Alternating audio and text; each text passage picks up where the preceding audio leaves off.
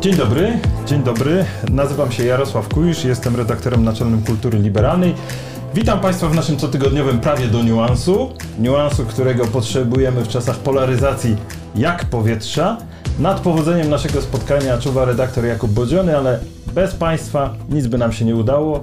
Dzięki temu, że nas Państwo wspierają na Patronajcie i za pośrednictwem innych y, form możemy w ogóle robić to co, to, co robimy i dzięki temu możemy się dalej rozwijać, a to wszystko rzeczywiście się dzieje, bo proszę Państwa, jak łatwo zauważyć, y, na, choćby na samym YouTubie hula aż miło, więc y, dziękujemy bardzo.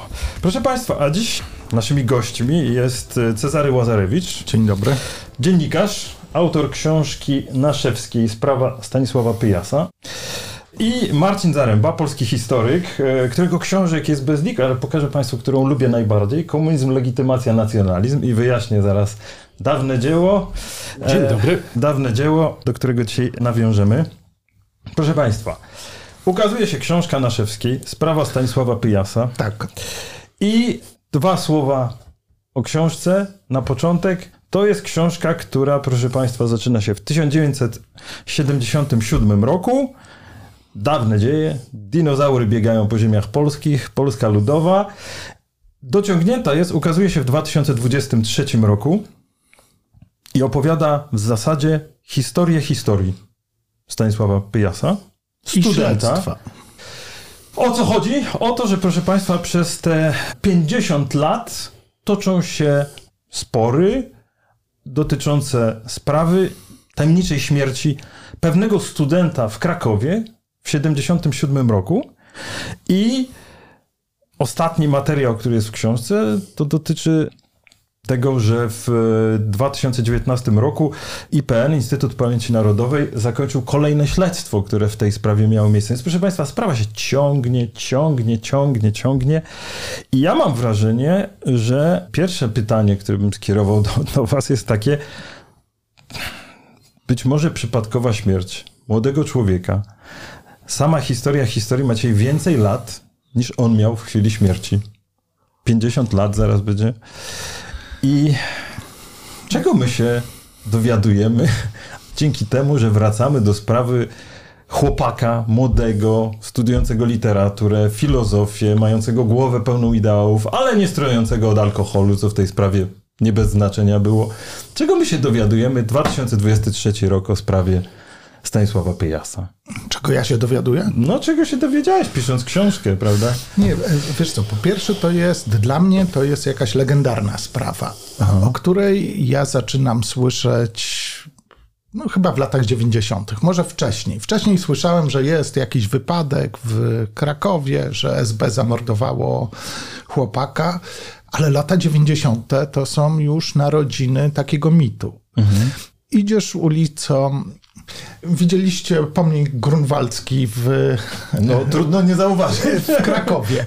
I na pewno się zastanawiacie, co tam tak naprawdę się stało. To ja tak mhm. samo mam, jak idę ulicą Szewską, czy wchodzę do Gołębnika w Krakowie. Jest tam tablica e, poświęcona Stanisławowi Pyjasowi, zamordowanemu przez SB albo przez komunistów. Jest wielki pomnik e, blisko Akademika Żaczek. I ja żyję w cieniu tej historii cały czas w latach 90. Ona mhm. nas pasjonuje. Jest dziesiątki reportaży, dziesiątki tekstów, które się ukazują. No i kiedy kończy się śledztwo, ukazuje się tylko taka notka na stronach e, IPN-u, że sprawa została umorzona i nie znaleziono sprawców śmierci Pyjasa. Ale ja się wcześniej tym e, zaczynam interesować. Więc e, Chciałem się sam dowiedzieć, jak to było, mhm. jak to było, kto pierwszy ogłosił, że Pyja został zamordowany, na jakiej podstawie, dlaczego mocno tak w to wszedł KOR. I jak patrzę, wiesz, z perspektywy roku 2023, to mam wrażenie, że dzisiaj wypadki radomskie i śmierć Pyjasa to są jakieś przełomowe momenty w historii PRL.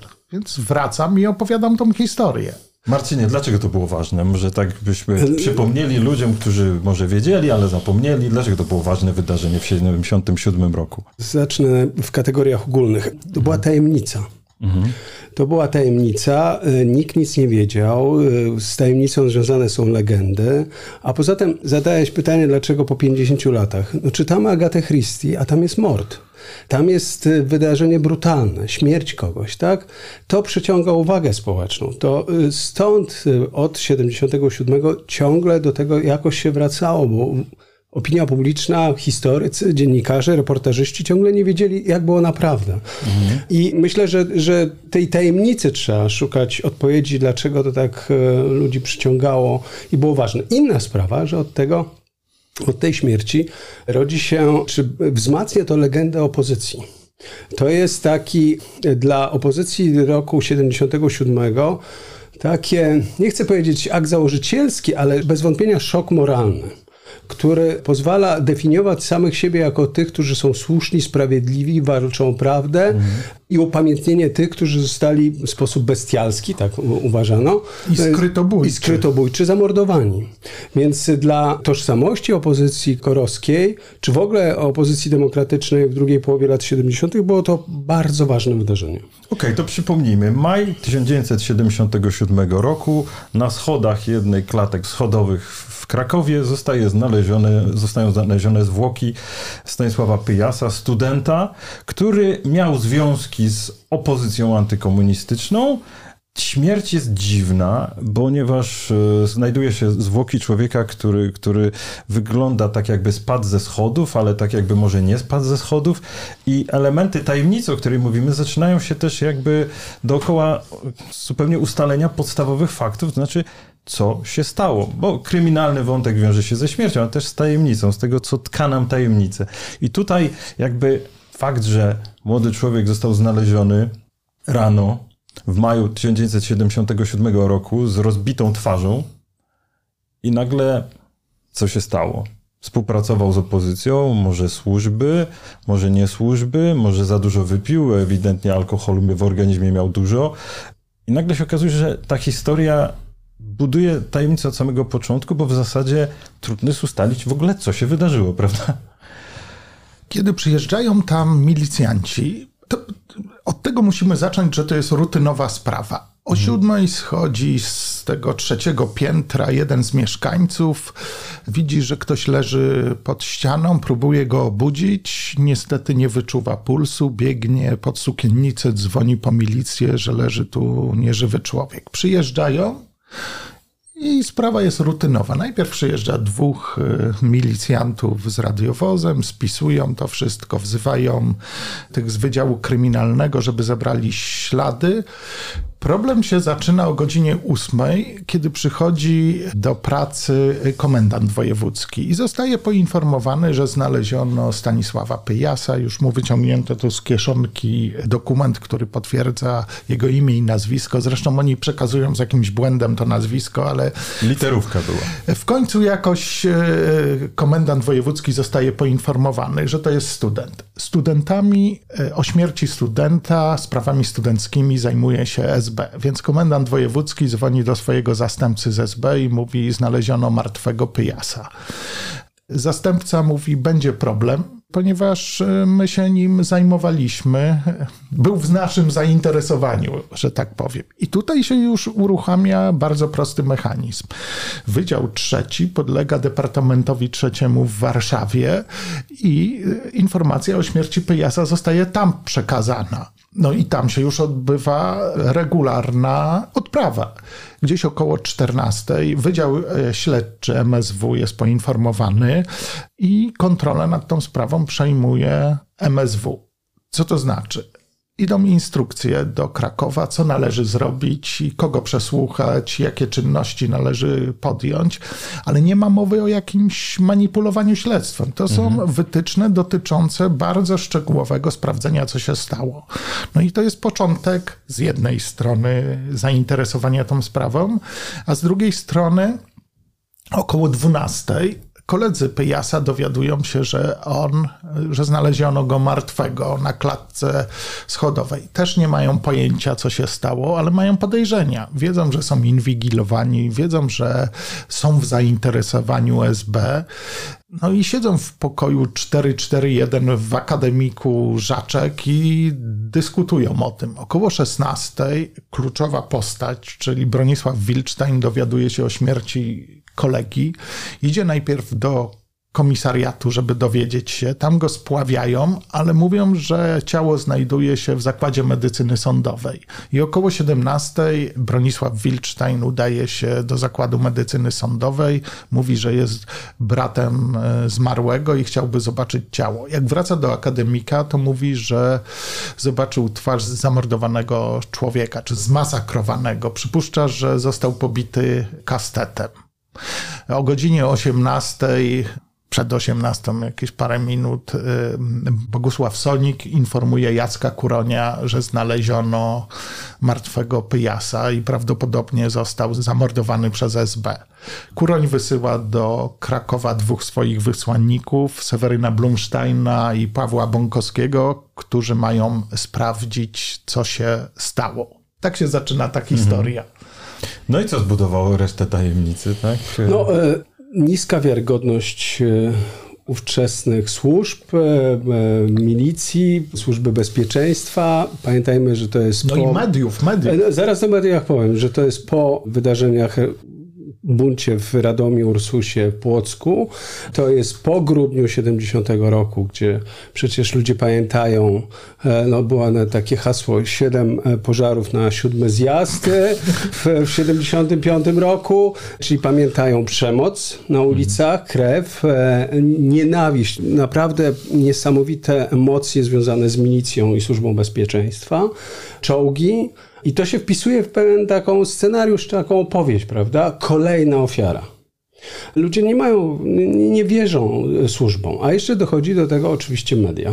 Mhm. Media e, gierkowskie, propaganda sukcesu, żeby to hasłowo opowiedzieć, czyli no, na dymanie osiągnięć Polski Ludowej, jacy to jesteśmy wielcy, piękni i tak dalej, a już to się rozjeżdża z realnym doświadczeniem ludzi, tak? Że wcale nie jest tak pięknie. Ergo Władza nas oszukuje, władza nas okłamuje. To nie jest nasza władza. To w latach 80. się będzie mówiło, ale także już wtedy, w latach 70., to są oni.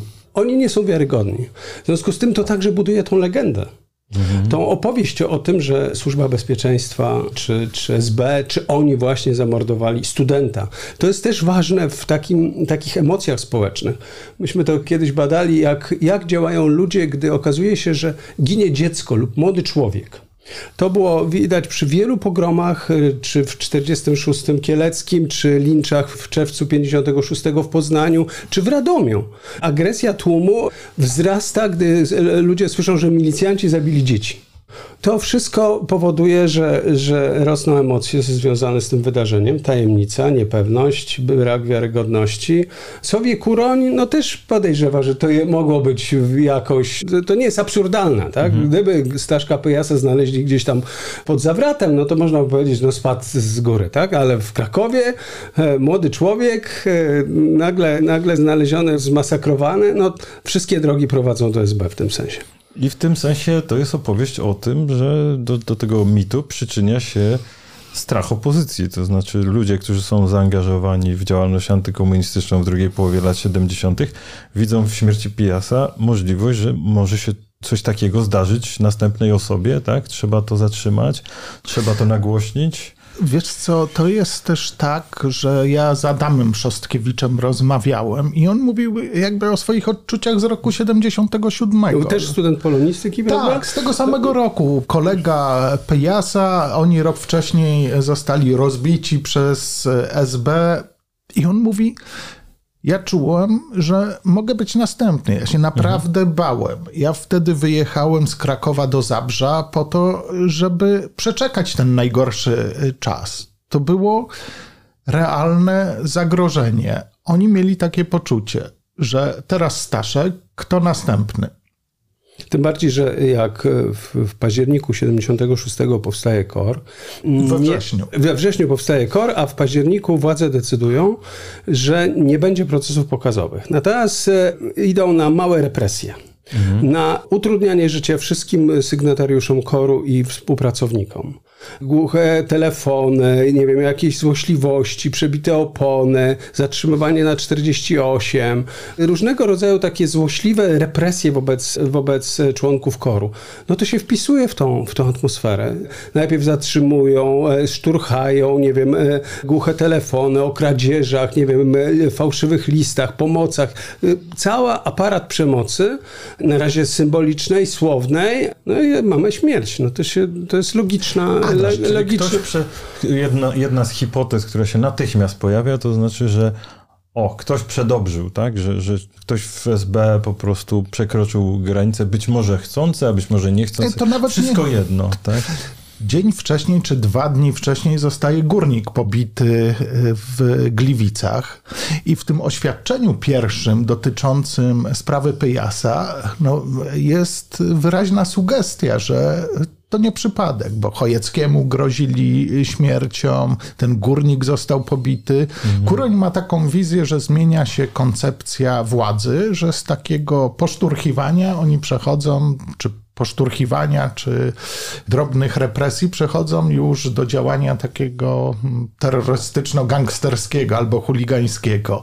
I Pyjas ma być pierwszą osobą, która jest ofiarą tego.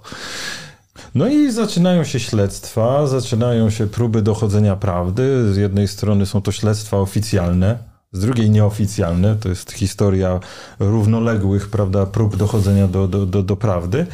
W ostatecznym rozrachunku po 50 latach ktoś może powiedzieć, no pff, tyle hałasu, o, nie powiem o nic, ale w każdym razie rozkłada ręce, no nie udało się dojść prawdy i może ten chłopak rzeczywiście zleciał ze schodów, a jeśli tak nie było, to w gruncie rzeczy nie wiadomo. Niesamowita sprawa, bo w gruncie rzeczy po 50 latach, może nie to, że wracamy do punktu wyjścia, ale jest takie wrażenie, że nie za wiele się posunęliśmy do przodu. Ja uważam, że się posunęliśmy mhm. bardzo daleko, bo to, co prokuratura i PNOska ustaliła, jest jakimś przełomem. Mhm. Wiemy na pewno, że Pyjas nie został pobity. I oni to mówią wprost. Pyjas nie został pobity, a drugą rzecz, którą wiemy, przyczyną obrażeń był upadek z wysokości. No to są te dwie rzeczy, które są bezdyskusyjne, bo to są ustalenia ekspertów tego Instytutu Zena, prokuratury, biegłych, medyków, no bardzo ważne gremium. No, skoro nie został pobity, to co się stało? No to prawdopodobnie był na tym drugim piętrze. Tam zostaje taki mały znak zapytania, w jaki sposób on wypadł przez tą barierkę. Bo to, że wypadł, to jest y, też ustalenia ekspertów apolitycznych. No i są dwie możliwości. Albo ktoś go pchnął, ale to nie, nie ma jakby elementu przemocy takiej, że został pobity, bo mhm. to wykluczają. Mógł zostać popchnięty. W tym dniu ale też nie wiadomo, jeśli został popchnięty, to też niekoniecznie przez Służbę Bezpieczeństwa y, milicję. Wiemy też e, o tym, co się stało z kluczowym świadkiem, bo to, te dwie rzeczy są połączone. Nie dość, że Pyjas został zamordowany, to jeszcze kluczowy świadek został zamordowany, który mógł rozpoznać osobę, która szła za Pyjasem. Mówię tutaj o Stanisławie Pietraszko.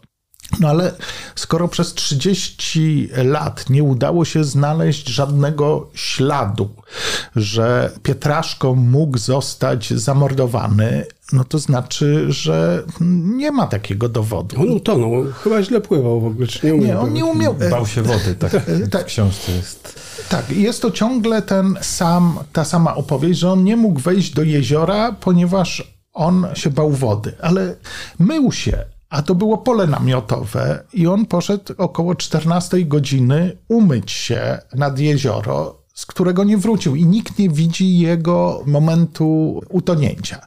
No ale wiemy, że tam dno jest bardzo spadziste, jakieś konary są, o które łatwo się zaczepić.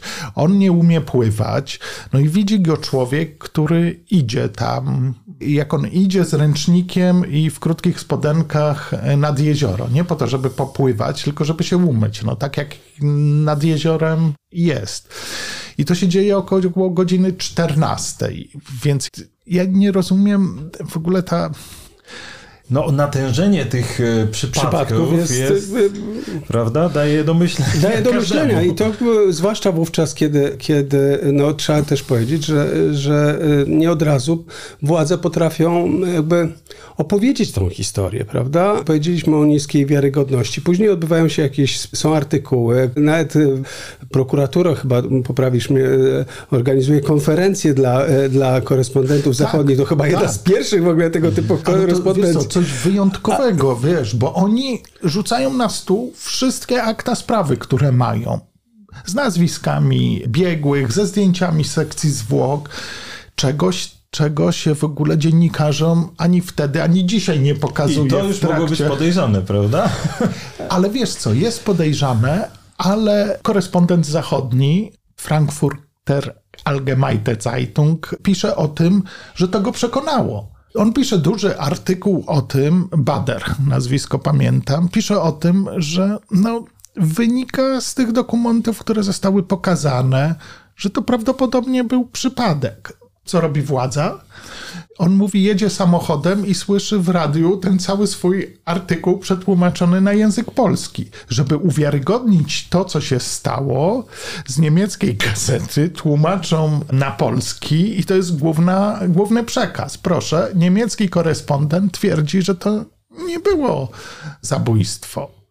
To było no, dość ważne.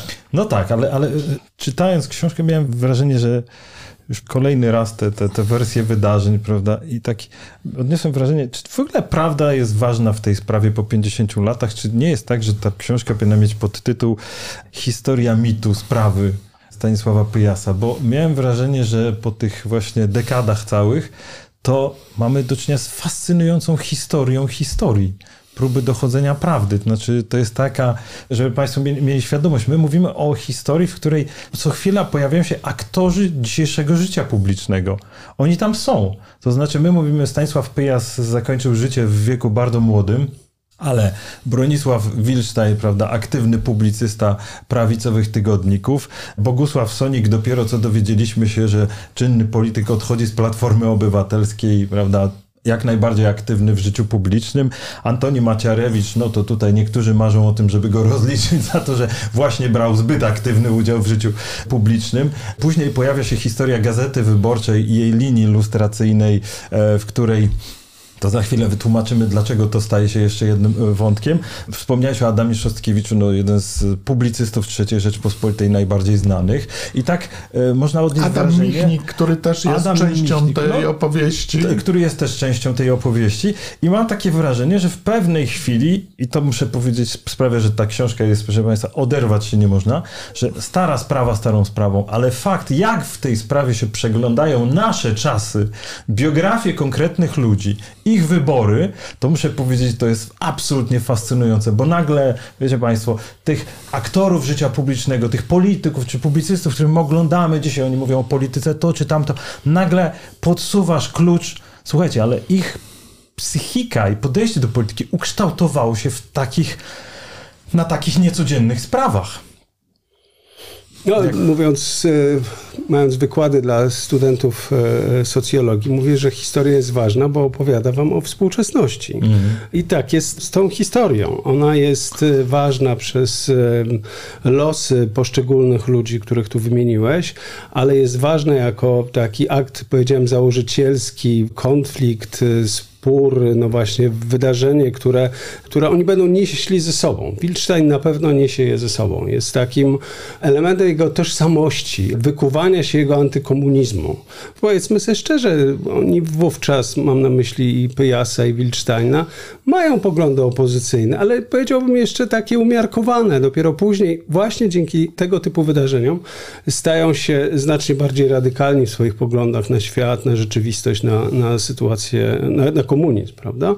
Jest to także opowieść o o służbie bezpieczeństwa, o ówczesnych represjach. E, bardzo interesująca, no bo pokazuje, jak się ta, jak wówczas te, te, te służby różnego rodzaju, także te medyczne, prawda, Instytut Medycyny Sądowej starały się dociec do, do prawdy. Pełnowymiarowa, gęsta opowieść historyczna, która, mhm. jak powiedziałeś słusznie, otwiera nas na, na, na współczesność. No, w 2008 roku Anna Ferenc i Ewa Stankiewicz zrobiły film dokumentalny pamiętam, że no to, to, to proszę Państwa, jak ktoś nie widział, gorąco polecamy, bo ten film robi ogromne wrażenie e, mimo upływu lat. Jest to znakomity, bardzo taki wyrazisty, narracyjnie dokumentalny film o tym, że my opowiadamy tyleż o historii Stanisława Pyjasa, co jednocześnie opowiadamy dwie dodatkowe historie, splecione ze sobą, absolutnie niesamowite, tak? Nawet w naszych warunkach, czyli Bronisława Wilsteina, który chce dojść prawdy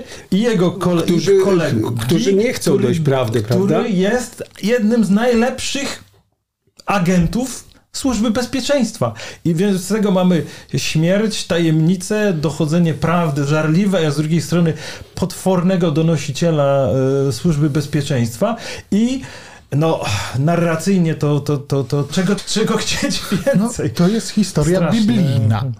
Jest ofiara, Pyjas, jest apostoł, który buduje e, kościół na tej ofierze.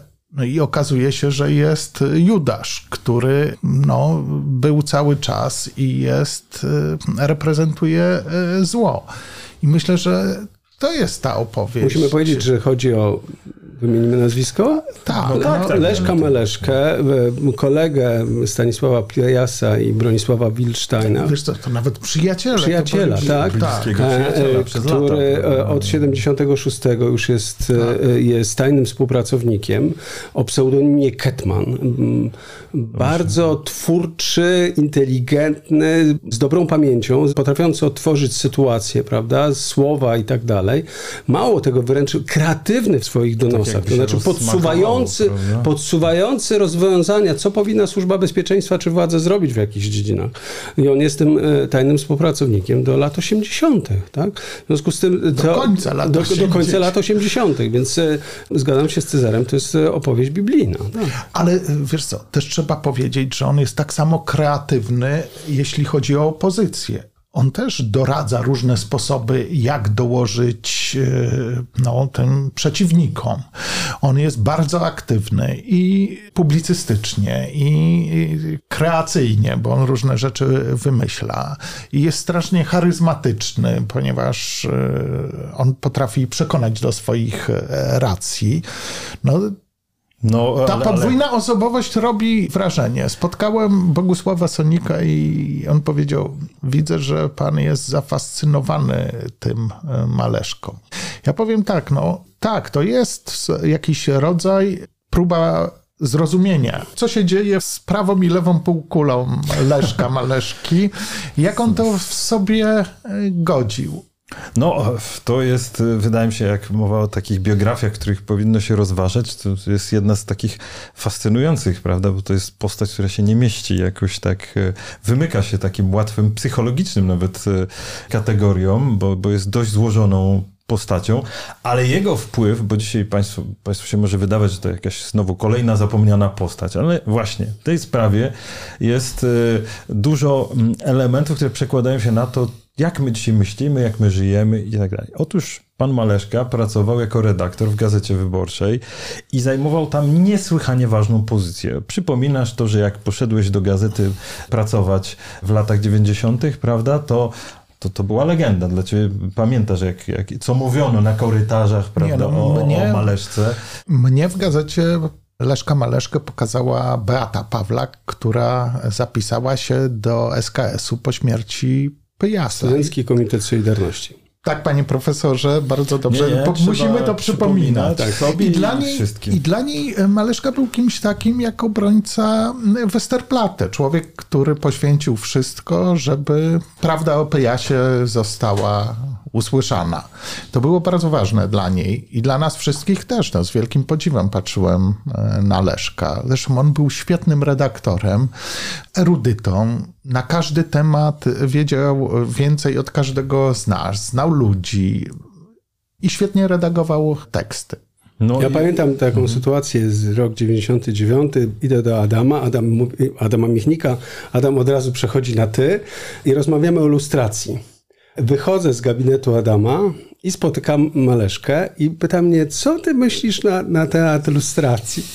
I tak rozmawialiśmy chyba z 15 minut. On, on był przeciwnikiem lustracji. Nawet w gazecie ukazały się jego teksty na Ale ten nie, temat. No, wiesz co, to będę bronił. Tych tekstów naprawdę było niewiele dotyczących lustracji. To można, chyba ale jeden. były ważne. To były nie. ważne teksty. Nie, ale ogólna on legenda sam, była taka, tak. że gazeta raczej jest, nie chce rozliczeń, nie chce trybunałów. Tak, prawda? tak, tak. I jest przeciw przeciwko lustracji. Tak. Tylko głosem tym nie był Maleszka. On naprawdę redagował teksty, podawał na kolegiach argumenty i to było oczywiste.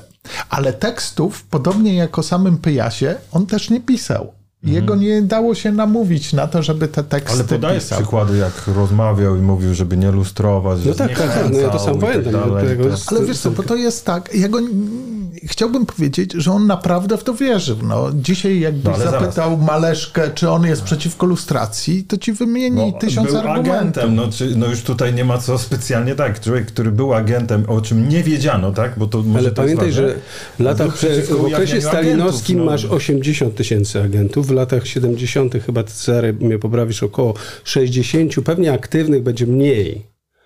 Znaczy Polska była zaludniona tajnymi współpracownikami. I to są e, czasami wstrząsające, pamiętajmy, mhm. sytuacje ludzi z złamanych, zszantażowanych, e, w jakiś wcześniej prześladowanych. Często są ludzie, którzy wyszli z więzień w 56 czy 5 roku. Takich, którzy chcieli dostać paszport, to coś tam podpisali, a później się to za nimi ciągnęło. To, e, no, to, są, e, to nie są łatwe tej... historie. To nie są łatwe ale historie. Ja, ale ja rozumiem, no, nie można być sędzią we własnej sprawie. Nie, w oczywiście. tym wypadku jego błąd polegał na tym, i to straszny, że on o tym nie powiedział, że zatajał to do końca. Wiesz co, on... No ale tak... podajesz przykłady takich sytuacji, które naprawdę są no takie, tak dają do myślenia, kiedy on bierze listy przyjaciół z Francji, przywozi do Polski i przed oddaniem ich rodzinie najpierw zanosi na SB. No naprawdę, no ale są to... Ale wiesz co, ale ja przecież y, piszę o tym, żeby raczej poinformować, a nie zataić tą informację. Tylko ja się zastanawiam, dlaczego on się z tym nie zderzył w latach 90. Gdyby on to próbował rozbroić, i wiesz, tam jest taka, wychodzi w karcie taki słownik opozycji. Gdzie to wywiady cytujesz niesamowicie. Gdzie on w tym opowiada o swojej historii bohaterskiej, a w tym samym czasie zeznaje w prokuraturze krakowskiej jako tajny współpracownik Ketman i dość uczciwie opowiada o swojej roli. Ja nie za bardzo rozumiem tego dwójmyślenia, że on jednak nie stanął i nie powiedział, wiecie, mam taki problem. Nie mogę redagować tych waszych tekstów, nie mogę się wypowiadać na temat lustracji, bo jestem sędzią we własnej sprawie i on tego nie zrobił. No, trzeba też dodać, że jeśli chodzi o KOR i najbliższych współpracowników, Służba Bezpieczeństwa nie miała tak wielu. On dla Krakowa był rzeczywiście jakoś ważny. Dla Warszawy też. Dla Warszawy, ale później. Tak. No bo te kontakty Warszawa-Kraków, tak? tak? Ale fakt rekrutacji do koru osób, które wcześniej się sprawdziły, czy to w 68, czy później, powodował, że tego typu e, tajnych współpracowników nie było dużo. Na zjeździe Solidarności też nie było ich tak specjalnie wiele, co także powoduje, że Maleszka był, mógł być ważny do, do pewnego stopnia. Prawda? No tam cytuję znowu z twojej książki się dowiadujemy, że był uznawany w ogóle za jednego z najlepszych agentów tam w no tak. historii. E, jego te raporty ceniono nie tylko ze względu na informacje, których dostarczał, ale też na syntezę, to znaczy tak. E, umiejętności tak. redakcyjne. Tak, on umiał pisać. Także na tym, na tym polu. I... Ale wiesz to redakcyjnie on też był świetny. Kasia Kolenda-Zaleska opowiadała mi, że na czym polegał jego redaktorski geniusz. Że on siedział na trzygodzinnej nasiadówce i w trzech zdaniach potrafił określić kwintesencję e, całego trzygodzinnego spotkania. To samo robił w tych raportach. Tam jeszcze jedno było, co jest i to jest coś, co Bronisław Wilczstein nie jest w stanie mu za, zapomnieć. W 77 na jesieni Ketman pisze taki raport, w jaki sposób rozprawić się z tym SKS-em i sugeruje, że najlepiej by było Wilcztajna wsadzić za przestępstwo kryminalne. To tak siedzi w Wilcztajnie, że on pisze książkę Dolina Nicości. Mhm. To jest y, książka o tym, co by tak było, co by było, gdyby SB wykorzystało ten pomysł. Hmm. No, ale trzeba powiedzieć, że często Należki. wykorzystywało wo, no wobec księży. Wypadku, wobec, tak. Sam pamiętam, jak mówiono, że Geremek przyjmował pieniądze od y, jakichś tam Amerykanów i tak dalej, i tak dalej. Znaczy to, to, to wielokrotnie SB to wykorzystywało. Ale wracając do sprawy Pyjasa. Fakt, że y, w tym środowisku był tak dobry agent, jest ważnym argumentem na rzecz tego, że Służba Bezpieczeństwa nie miała żadnych podstaw. I to dla, dla niej byłoby wręcz strzał w stopę, żeby, żeby doprowadzić do śmierci Pejasa. Ponieważ e, e, nie wiadomo, jakby się Maleszka zachował po tej śmierci. Mógłby odwrócić się, przyznać się, powiedzieć, że był inwigilowany. Służba bezpieczeństwa by straciła bardzo dobrego, tajnego współpracownika. To im zwyczajnie nie było potrzebne. Dobrze, jeszcze jedna rzecz. Do roku, do śmierci Pyjasa, służba bezpieczeństwa w tym najbliższym środowisku e, Pyjasa ma dwóch współpracowników. Drugi to jest Balcerek. Andrzej Balcerek, jeden z założycieli SKS-u. On od października do lipca pisze 86-87 raportów.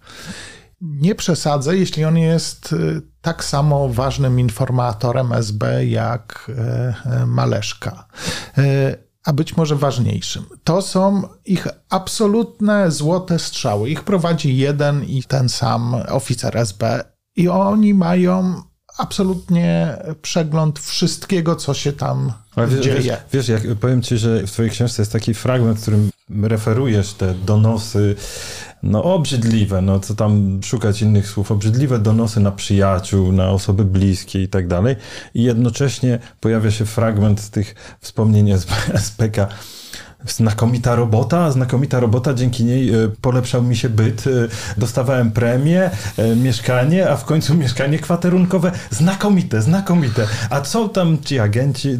Nie, ale wiesz co, tam jest też to ciekawe, bo z jednej strony to jest tak, ale oni też gardzą tymi donosicielami, tak, tak, to, to niesamowite. Nazywają bo... ich uchole w jakiś pogardliwy sposób. I właśnie o, o, to mi chodzi, zestawienie wiesz, tych donosów, jakiegoś takiego dziwnego świata, który w głowie miał Ketman, e, Maleszka, próbując sobie zracjonalizować i obok kompletna pogarda do tych agentów e, ze strony SB-ków, którzy generalnie myślą o premiach i wszystko mi jedno, ważne, żeby dostać mieszkanie i tak dalej. No kariera jak kariera ci donosiciele to prawda, są godni, godni lekceważenia. Niezwykłe zestawienie tych dwóch światów, bo zwykle one się no ja, ja nie, nie, chcę, nie chcę wchodzić w rolę adwokata diabła, ale ci młodzi funkcjonariusze SB, bo to są ludzie po studiach, no oczywiście chcą mieszkanie, samochód, wyjechać do Bułgarii, to, co do tego nie ma wątpliwości, ale dużo z nich ciągle jeszcze wierzy. To nie są do końca cyniczni ludzie, to znaczy oni ciągle jeszcze wiedzą w jaki socjalizm,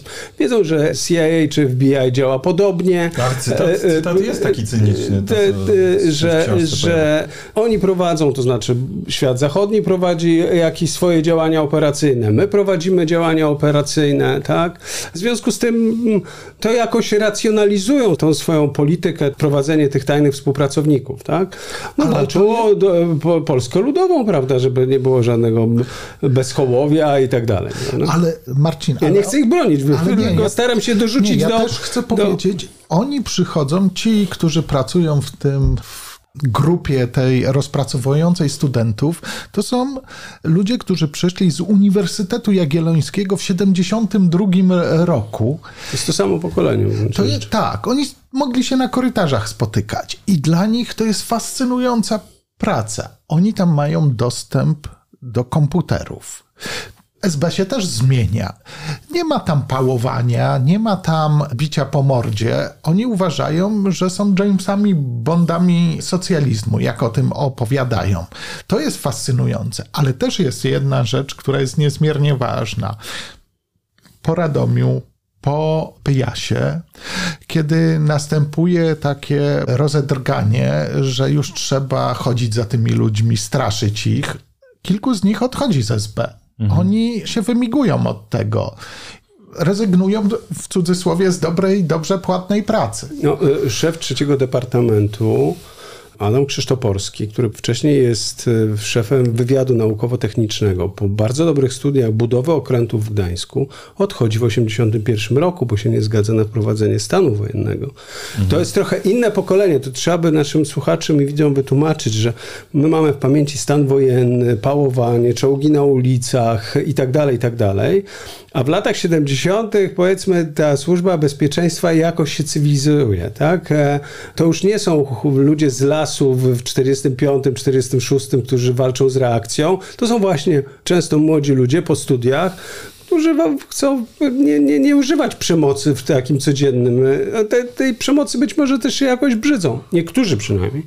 Stąd te niektóre odejścia tych. tych ale, ale też jest pogarda tak. tych nowych wobec tych ubowców starych, którzy umieli tylko paznokcie wyrywać i bić po twarzy. No dobrze, ale wiecie, Przychodzi 89, zaczyna się niszczenie teczek, prawda, tak. i cała sprawa.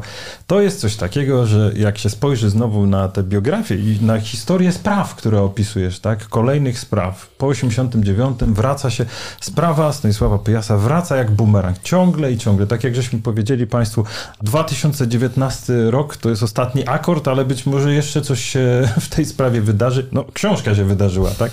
Więc w 2023 roku cały czas mamy tę sprawę.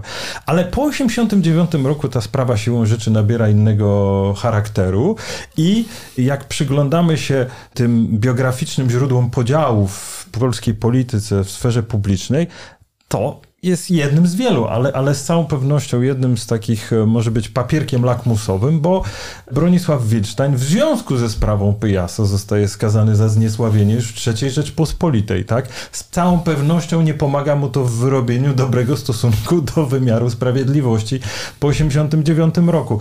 E, są kolejne próby, prawda, dochodzenia prawdy które sprawiają, że ludzie mówią, no to, to, to jest spór o PRL, to, to jest spór o lustrację, to, to jest spór o, o, o to, czy warto się zajmować przeszłością, czy nie warto się zajmować przyszłością.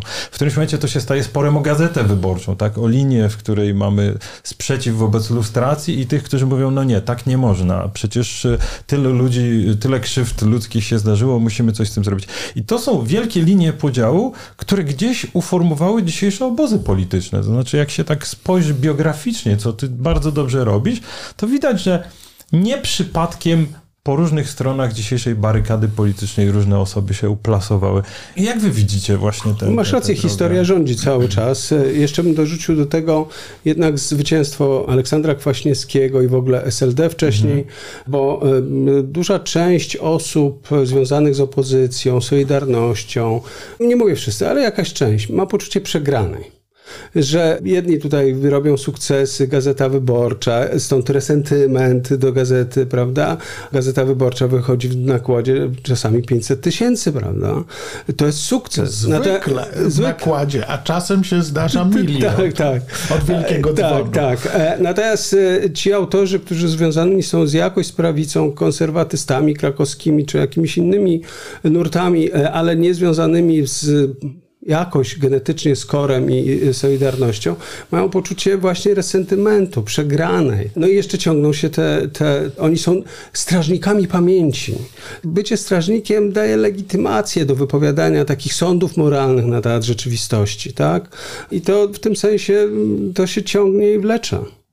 No, wiesz co, to jest, y, pamiętam moja koleżanka napisała, zresztą Wilczstein też sam o tym mówi, jestem jedyną ofiarą sprawy Pyjasa. No tylko, wiesz co, jakby oderwać się, ja chyba byłem pierwszą osobą, która przeczytała te akta. A o co chodziło? Wilczan przyjeżdża z Paryża i dowiaduje się, Profesor Zdzisław Marek jest nadal szefem Zakładu Medycyny Sądowej. Wysyła tam swoje reporterki i nagle e, ten Marek, który jest opryskliwy, niemiły, niesympatyczny, słyszymy jak on mówi w radiu, ktoś Pyjasowi dał w mordę. I wiesz co, Wilczstein mówi, to jest współudziałowiec morderstwa to jest człowiek, który tuszował morderstwo. Marek idzie do sądu i w takim sensie sądowym, gdzie mamy dowody, przesłuchania świadków, no nie można mu nic zarzucić. Zresztą do dzisiaj, wiesz, Marek uchodzi za czarny charakter, a żadna opinia biegłych nie obaliła tego, co on wtedy napisał. Więcej, wszyscy ci biegli bazują na dokumentach Zakładu Medycyny Sądowej. Ja sam się zdziwiłem, jak się dowiedziałem, że Marek w ogóle nie brał udziału w sekcji zwłok Pyjasa, bo go wtedy w Krakowie nie było. Pierwszy dokument podpisał doktor Kołodziej, doktor Pruchnicka i Jägerman. To trzy osoby, które podpisały. Dopiero później on to podpisuje jako kierownik katedry medycyny sądowej. Nie wiem, dlaczego na niego skierowała się ta cała niechęć, ale on całe życie próbował się otrząsnąć z tego. I dzisiaj jest Marek sprowadzony do tego jednego epizodu i rozmawiamy o tym, czy on fałszował dokumentację Pyjasa, czy nie. No i jak zbadałem to, to mówię, nie można mu niczego zarzucić. Mhm. Powiedzcie, bo tak powoli musimy zmierzać do końca, jak patrzycie na, te, na tych młodych ludzi, prawda, w, w 70 latach, my na to patrzymy z 2023 roku z perspektywy, jak te, te, te doświadczenia ukształtowały tych aktorów życia publicznego w III Rzeczpospolitej, bo to jednak jest coś, no śmierć przyjaciela, agentura, kwestie głębokiego zaufania albo braku zaufania, moralizatorstwa w polityce specyficznego. Tak, jak myślicie, te, te biografie pokolenia SKS-u, Solidarności, co one wniosły do III Rzeczpospolitej? No, to jest temat na seminarium. Owszem, owszem, ale też i na dobrą puentę. Ale masz tylko dwie minuty. nie, no, nie, nie, nie mam takich zdolności jak Leszek Maleszka, żeby podsumować tą dyskusję, ale bez, bez wątpienia no, Trzecia Rzeczpospolita weszła Tadeusz Mazowiecki powiedział, że oddzielamy grubą kreską. Ale to nieprawda. To znaczy, że weszliśmy z, z bagażem doświadczeń. Wcale nie było tak, że byliśmy głupi, jak mówił Marcin Król. Po prostu każdy z nas, y, to pokolenie starsze ode mnie, y, czy, czy tych działaczy jeszcze z lat 60., mówię o, o marcu 68, czy lat 70., czy y, miało jakieś doświadczenia, tak? Wchodziło z olbrzymimi nadziejami i czasami te, te, ten bagaż był ciążą, prawda? Mhm. Był nie, niektórych mówiło się, że, że ciągnie się za nim styropian, prawda? Że mają pretensje do rzeczywistości, że chcieliby więcej, że czują się niedocenieni, ale zdecydowana większość jakby zbudowała tą trzecią Rzeczpospolitą, tak? To też jest doświadczenie przemocy. Na całym świecie, w, znaczy mam na myśli Europę Zachodnią, wtedy mamy e, falę terroryzmu. Czy to Bader-Meinhof, czy to Czerwone Brygady, czy Baskowie w, w Hiszpanii, czy IRA w e, Irlandii, czy w Wielkiej Brytanii. Jednym z takich ważnych przesłań polskiej opozycji było zero przemocy, tak? Stąd ta rewolucja Solidarności była rewolucją pokojową i też okrągły stół jakoś z tego, z tego doświadczenia, że my jednak takich, takich metod, takimi metodami się brzydzimy, prawda? I że lepiej rozmawiać niż, niż nie wiem, podkładać bombę. To jest cały bagaż doświadczeń, które, które Polacy wynieśli z PRL-u. Czasami dobry, czasami zły, czasami innego po prostu nie mogło być. Mhm. Ja uważam, że ten, wiesz, powstanie SKS-u było na równi przełomowe jak koru. Przecież po śmierci Pyjasa powstały te SKS-y, nie wiem, we Wrocławiu, Poznaniu, Gdańsku, Warszawie. Została stworzona jakaś sieć wymiany informacji, a później ci ludzie w sierpniu 80 oni się znowu pojawili w podziemiu, wydawali dziesiątki pism. Wczoraj rozmawiałem z Aleksandrem Halem. Aha. No to zanim e, powstała Ruch Młodej Polski, no to oni byli zainteresowani żywo Studenckim Komitetem e, Solidarności.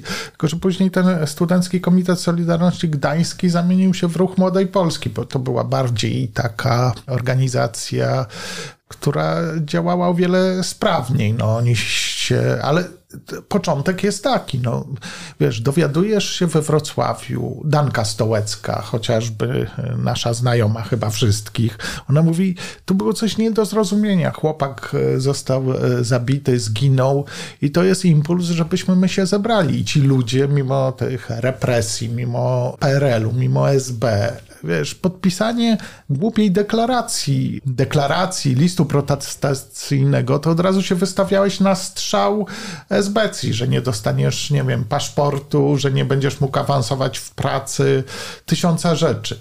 Maleszka, który jest wspaniałym agentem, ale jego marzeniem jest bycie wykładowcą akademickim ta sprawa mu łamie tą karierę naukową. On nie ma szans zostać na uczelni i no, gdyby nie śmierć Pyjasa, gdyby nie KOR, gdyby nie SKS, być może dzisiaj Maleszka byłby wybitnym profesorem.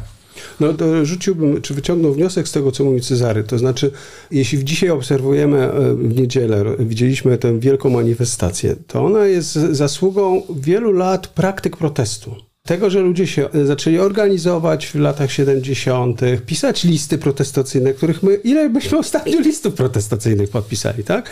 To wszystko rodzi się właśnie wtedy umiejętność działania, drukowania, kolportażu, nawet no, różnych rzeczy, które e, wówczas to młode pokolenie nabywa, e, jest bardzo ważne dla także dzisiaj. Krótko mówiąc, proszę Państwa, mamy przeskok pomiędzy dekadami lata 70. aż do 2023 roku nie na siłę. To znaczy widać, że osoby, które się zahartowały wtedy politycznie, politycznie w boju, zostały w sferze publicznej, współtworzą naszą rzeczywistość jak najbardziej aktywnie. Mamy też już historię historii, materiały o sprawie Pyjasa powstał film, przecież gry uliczne kiedyś, także zachęcamy do obejrzenia. I mamy do czynienia z, z takim prawdopodobnie sprawą, w której kolejne dekady będą się przeglądać, tak? To znaczy za każdym razem będziemy coś kolejnego, tajemnicę odkrywać i będziemy się przeglądać swoje pojazdy. A na razie, proszę Państwa, polecamy książkę Naszewskiej, Cezary Łazarewicz. Jak rzadko kiedy, proszę Państwa, oderwać się nie można.